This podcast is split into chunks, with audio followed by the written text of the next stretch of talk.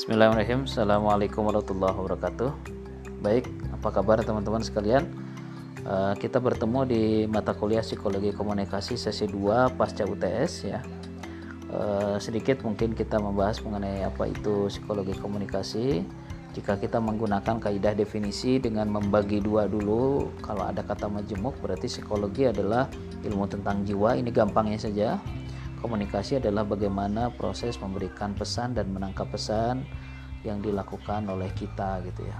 Sehingga terdapat persepsi yang sama. Tujuannya kan mendapatkan persepsi yang sama. Nah untuk mendapatkan persepsi yang sama inilah maka kita melangkah lebih jauh bukan sekedar mempelajari pesannya bukan hanya mempelajari prosesnya bukan hanya mempelajari metodenya tapi semua didasari terhadap pemahaman kita bahwa semua proses itu termasuk komponen-komponennya itu memiliki kejiwaan-kejiwaannya masing-masing makanya dalam pelajaran psikologi komunikasi termasuk yang mungkin pernah dibahas sebelumnya di sesi 1 Uh, itu dibahas mengenai adalah psikologi pesan, psikologi komunikan, psikologi komunikator dan sebagainya gitu. Nah, ini masuk kita kepada bahasan persepsi interpersonal.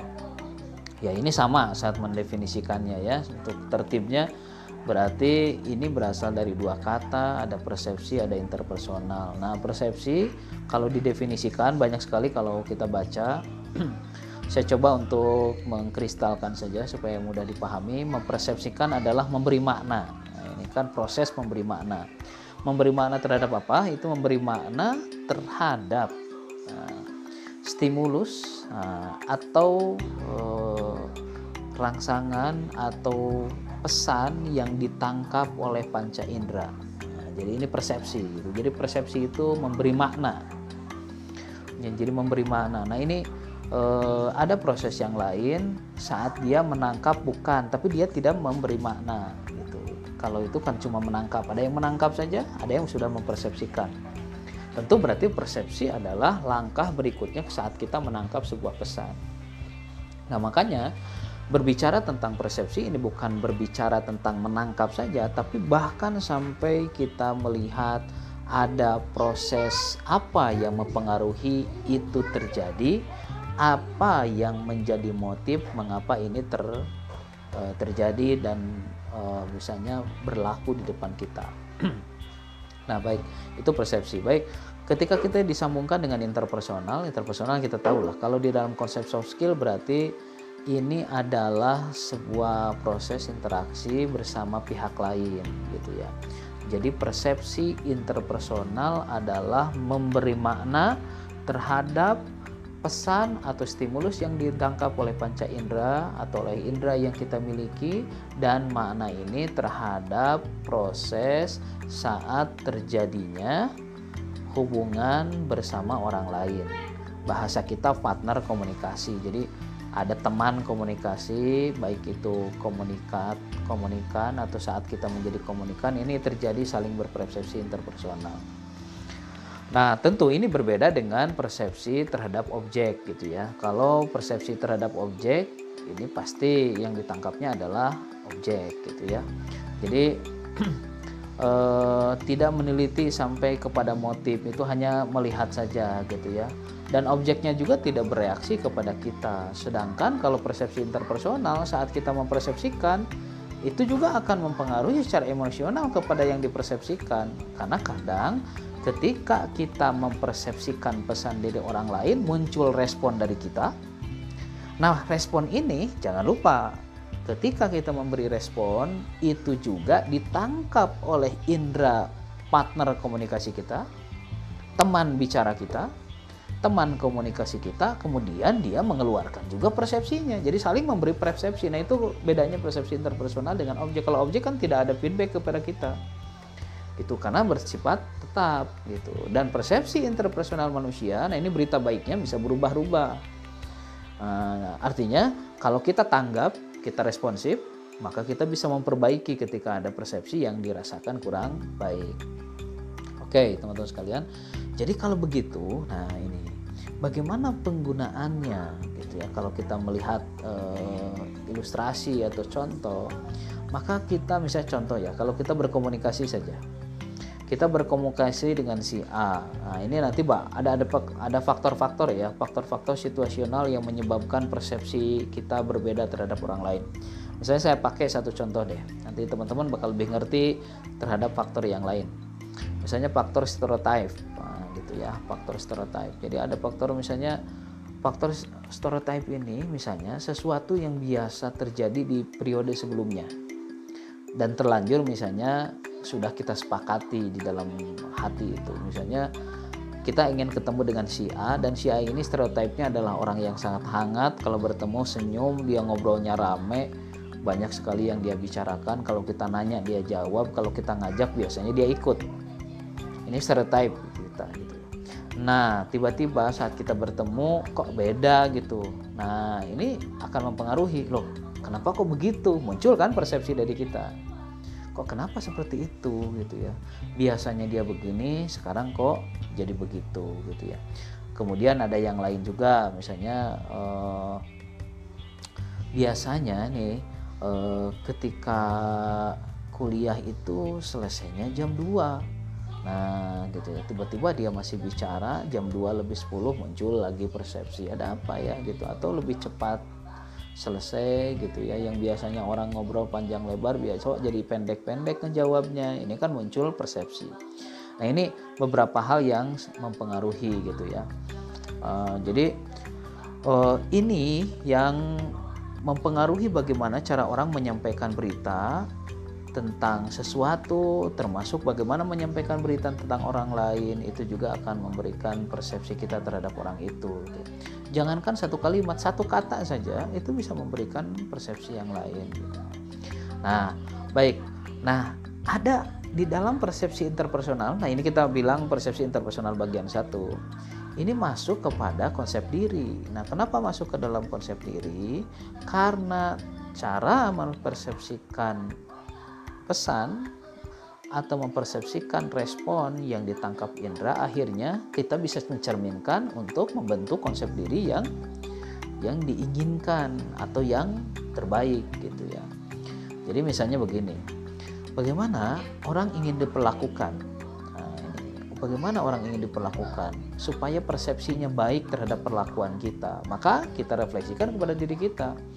Oh, saya juga kalau kondisi begini ingin diperlakukannya begini kalau saya dalam kondisi sakit ingin diperlakukannya begini. Kalau dalam kondisi susah saya juga ingin diperlakukannya begini. Jadi kalau saya e, nanti bertemu dengan orang susah, bertemu dengan orang sakit, maka muncul hasil kita mencerminkan kepada diri sendiri itu. Nah, lahirlah nanti ada konsep empati gitu ya. Ada proses menghargai, ada proses apresiasi karena kita memang memahami bahwa untuk kondisi sekarang, kondisi tertentu yang dibutuhkan adalah seperti ini. Maka terjadilah proses kita membentuk uh, konsep diri yang yang yang terbaik, yang yang diperlukan gitu. Gitu. Jadi ini yang dimaksud dengan ada yang menyebutkan misalnya contoh Charles Furtman ini dia mengakukan dia menyebutkan looking glass self gitu ya. Looking glass self ini berarti jadi kita ketika melakukannya itu membayangkan diri kita. Nah, gitu. Baik itu menjadi subjek ataupun menjadi objek persepsi sekaligus. Gitu. Nah, sehingga ada yang mendefinisikan bahwa nanti ketika orang membentuk konsep diri, dia akan melahirkan, nah ini, sebagai sesuatu pandangan dan perasaan kita tentang diri kita. Dengan tadi eh, bagaimana persepsi orang lain saat saya begini, bagaimana persepsi orang terhadap atau pemaknaan orang terhadap makna yang dia terima saat saya melakukan ini, khususnya saat saya berkomunikasi baik verbal ataupun non verbal gitu ya. jadi uh, jadi ada nanti ya, jadi pengaruh-pengaruh kemudian faktor akhirnya sampai kita mendesain sesuatu ya. Oh iya ya saya akan mendesain begini gitu ya. Saya akan mendesain begitu saya akan melakukan ini saya akan merencanakan itu gitu ya. Jadi oh, memunculkan selektivitas memunculkan proses untuk misalnya bukan sekedar kita melakukan tapi justru lebih kepada sebuah kehati-hatian saat kita mau melakukan. Karena kita sadar betul bahwa ini menimbulkan persepsi. Dari hal yang terlihat sampai hal yang tidak terlihat. Dan komunikasi ini catatannya orang melihat penampakan dulu. Berarti kan ketika orang atau kita ingin membentuk konsep diri yang baik berarti kita mulai dari apa yang ditangkap oleh orang lain baik itu secara verbal atau visual sehingga itu mempersepsikan siapa kita gitu. Nah inilah yang dimaksud dengan persepsi baik itu persepsi interpersonal termasuk nanti salah satu aplikasinya kepada pembentukan konsep diri. Nah sehingga urgensinya teman-teman sekalian ketika kita memahami ini mudah-mudahan nggak ada manusia yang seolah tanpa nilai ya gitu ya. Jadi cuek gitu ya. Kemudian dia seenaknya diri sendiri. Kemudian dia melakukan semaunya kalau bahasa kita ya. Karena dia sadar betul oh iya ya ini menimbulkan persepsi dari dari orang gitu ya cara saya menyampaikan juga ada persepsinya saya berkomunikasi begini juga ada persepsinya sehingga kita akhirnya berpikir bagaimana ya supaya saya e, memiliki persepsi interpersonal yang baik di mata orang lain. Nah, dan ini mudah-mudahan bukan topeng bukan sesuatu yang kita bikin-bikin karena topeng itu capek sebetulnya. Jadi orang hidup dalam topeng itu capek karena dia menyembunyikan terus terhadap sesuatu yang bukan dirinya. Jadi dia menyembunyikan yang keluar adalah sesuatu yang bukan dirinya dan tentu ini capek karena yang dikeluarkan selalu orang lain. Nah jadi akhirnya muncullah berbagai aktivitas yang tentu mudah-mudahan bisa positif gitu ya. Nah, dalam aplikasi yang lainnya nanti saat kita melakukan proses uh, komunikasi kita paham betul bahwa ada kejiwaan interpersonal yang memang uh, dipersepsikan oleh partner komunikasi kita terhadap proses komunikasi yang kita lakukan. Baik teman-teman sekalian, ini pengantar saja. Mudah-mudahan ya ini pengantar diskusi. Tentu uh, ya mudah-mudahan dengan bahasa yang singkat saya coba untuk mengemas lebih simpel supaya kita lebih memahami apa itu persepsi interpersonal. Nah yang akhirnya dari pengantar kuliah ini eh, mudah-mudahan melahirkan berbagai hal. Yang pertama kesadaran. Yang kedua tadi selektivitas bertindak. Dan yang ketiganya tentu adalah uh, adanya kemauan yang terbaik dari kita untuk membuat atau menyiapkan pesan komunikasi atau menyiapkan visualisasi dari apa yang kita lakukan yang memiliki persepsi yang baik secara interpersonal terhadap orang lain. Saya kira itu. Uh, terima kasih. Assalamualaikum warahmatullahi wabarakatuh.